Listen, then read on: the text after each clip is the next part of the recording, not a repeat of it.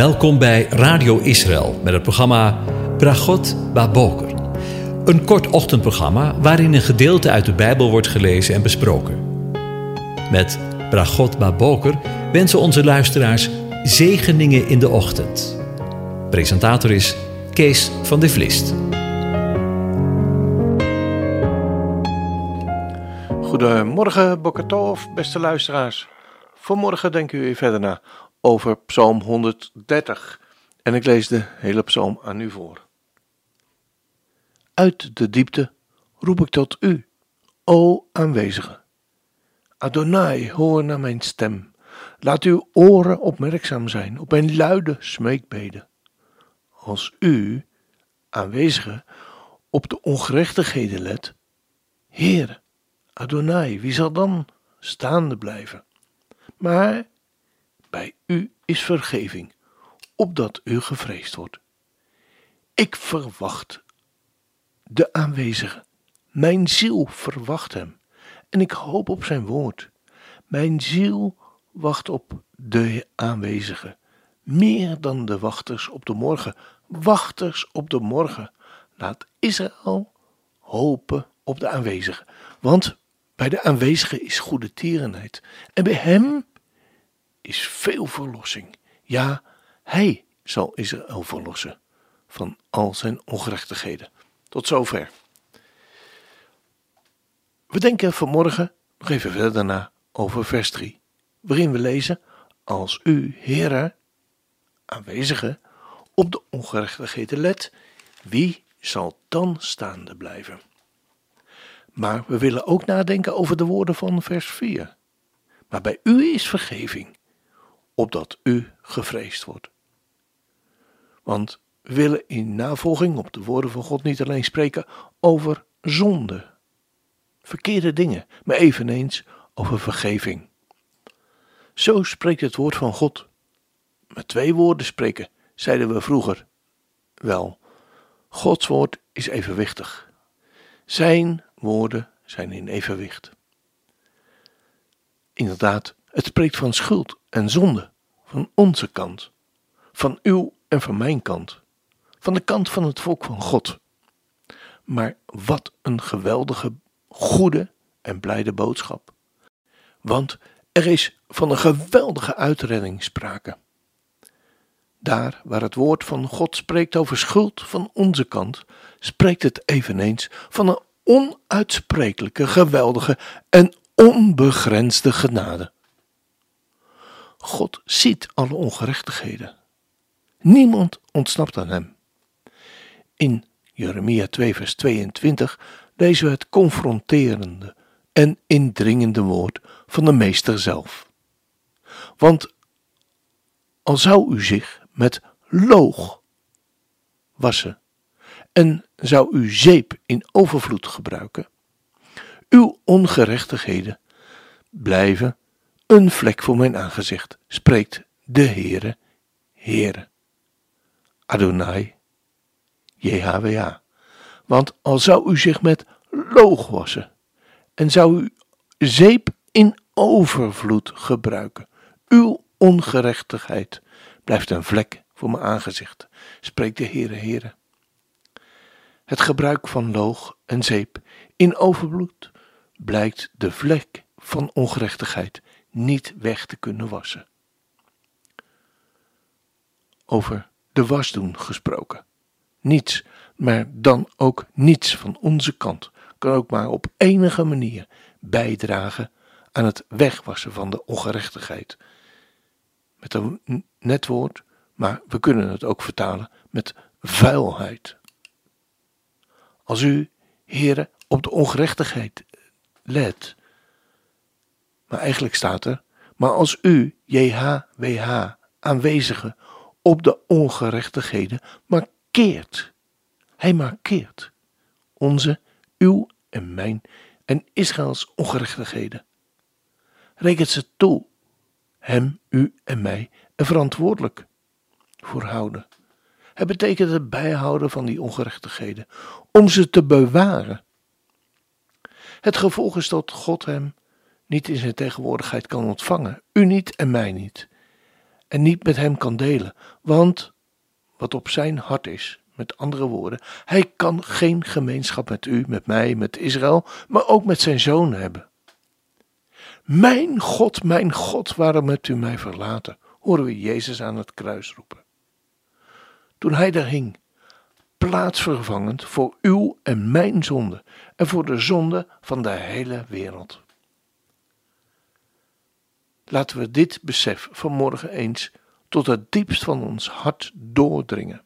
Het is geen populaire boodschap, ik weet het. En er wordt nog maar weinig gehoord. Maar laat het vanmorgen eens diep in je hart doordringen. Voor het eerst of opnieuw. We zien dit bij de verloren zoon. Hij heeft zijn vader verlaten en leidt een slecht en beroerd leven. En dan komt hij tot zichzelf. Hij erkent dat hij alleen de schuld heeft van alles. En wil dat beleiden aan God en aan zijn vader. Er is geen sprake van zelfbehoud. Echt niet. Maar de erkenning dat hij vergeving nodig heeft. Dat is het moment van de terugweg naar zijn vader. En dan staat hij op en gaat naar zijn vader, die hem vol barmhartigheid in zijn armen neemt.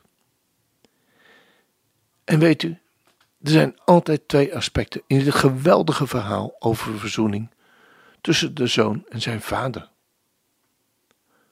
Het eerste is dat er staat: zijn vader zag hem van verre. Vader staat op de uitkijk, ook vandaag naar u en naar mij. Of je nu gelooft of niet gelooft. Ook na jaren en jaren en jaren. Uw hele leven lang. Hij staat op de uitkijk en kijkt naar u en mij. Tot we thuiskomen. Om verloren zonen, Israël, u en mij in de armen te sluiten. Wat een geweldige vader. En het tweede wat opvalt, is dat niet, zoals wij vaak denken, dat de zoon naar de vaders toestelt. Maar dat de vader, maar dat het de vader is die naar de zoon snelt. En terwijl ik deze woorden aan het papier toevertrouw, hoor ik in de speaker van mijn laptop de woorden: Er is none like you. There is none like you. Er is niemand als u. Er is niemand zoals deze vader op deze wereld, die zijn zoon Israël, maar ook u en mij ontvangt en vergeeft. We lezen nergens van een verwijt van de vader aan de rest van de zoon. Alleen en uitsluitend woorden van intense blijdschap van de vader. U mag het wel weten. Jaren en jaren geleden sprak dit verhaal mij zo bijzonder aan. En dan namen de woorden. En hij, vader, zag hem van verre.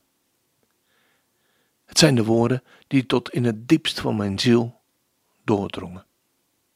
God, vader, zag mij toen ik van ver van hem weggelopen was, mijn eigen wegen ging.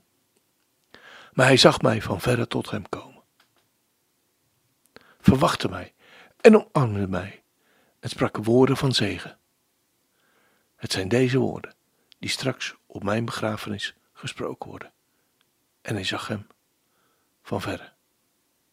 Als dat geen zegen is.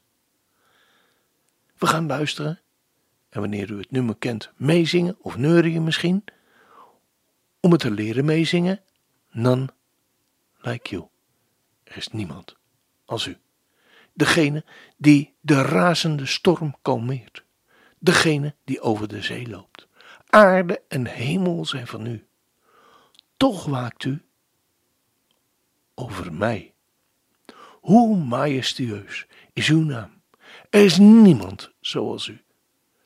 Samen verkondigen we de kracht van uw naam. Er is niemand als u. Wie kan er voor uw troon staan uw koninkrijk voor altijd heersen?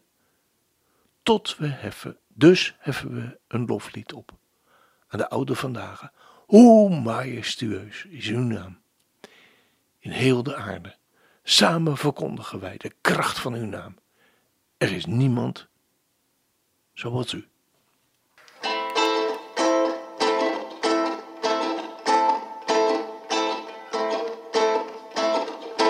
The one who calms a raging storm. Walks upon the sea. Earth and heaven are your own. Yet you're watching over me.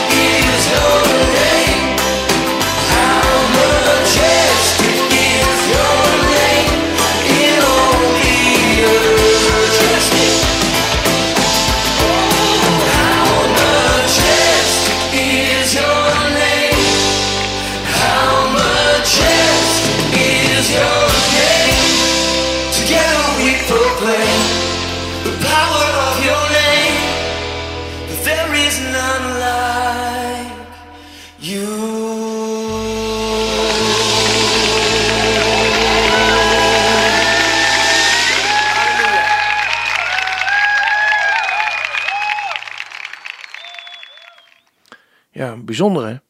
Dat we zo op deze vroege morgen Gods naam al mogen groot maken. Hoe majestueus is zijn naam. Ja, dan zijn we echt heel erg begenadigd dat we hem de eer van ons leven mogen geven. Ik had vanmorgen een eh, gesprekje met eh, een van mijn collega's en ehm, daarin kwamen we tot de conclusie dat eh, we eigenlijk maar één doel in dit leven hebben. We kunnen heel veel andere doelen hebben in ons leven, allemaal goed en wel, maar één doel. De Heere de eer van zijn naam geven. Hem de lof geven van wie hij is voor u en voor mij en voor iedereen wil zijn. Ja, Onder die zegen mogen we ook eh, deze dag weer ingaan. De Heer zegent en hij behoedt u. De Heer doet zijn aangezicht over u lichten en zij u genadig. De Heer verheft zijn aangezicht over je en geeft je zijn vrede, zijn shalom. Amen.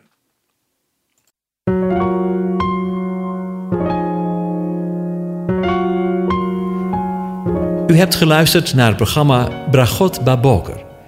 Een kort ochtendprogramma waarin een gedeelte uit de Bijbel wordt gelezen en besproken. Wilt u het programma nog eens naluisteren, dan kan dat. Ga naar radioisrael.nl en klik onder het kopje radio op Uitzending gemist.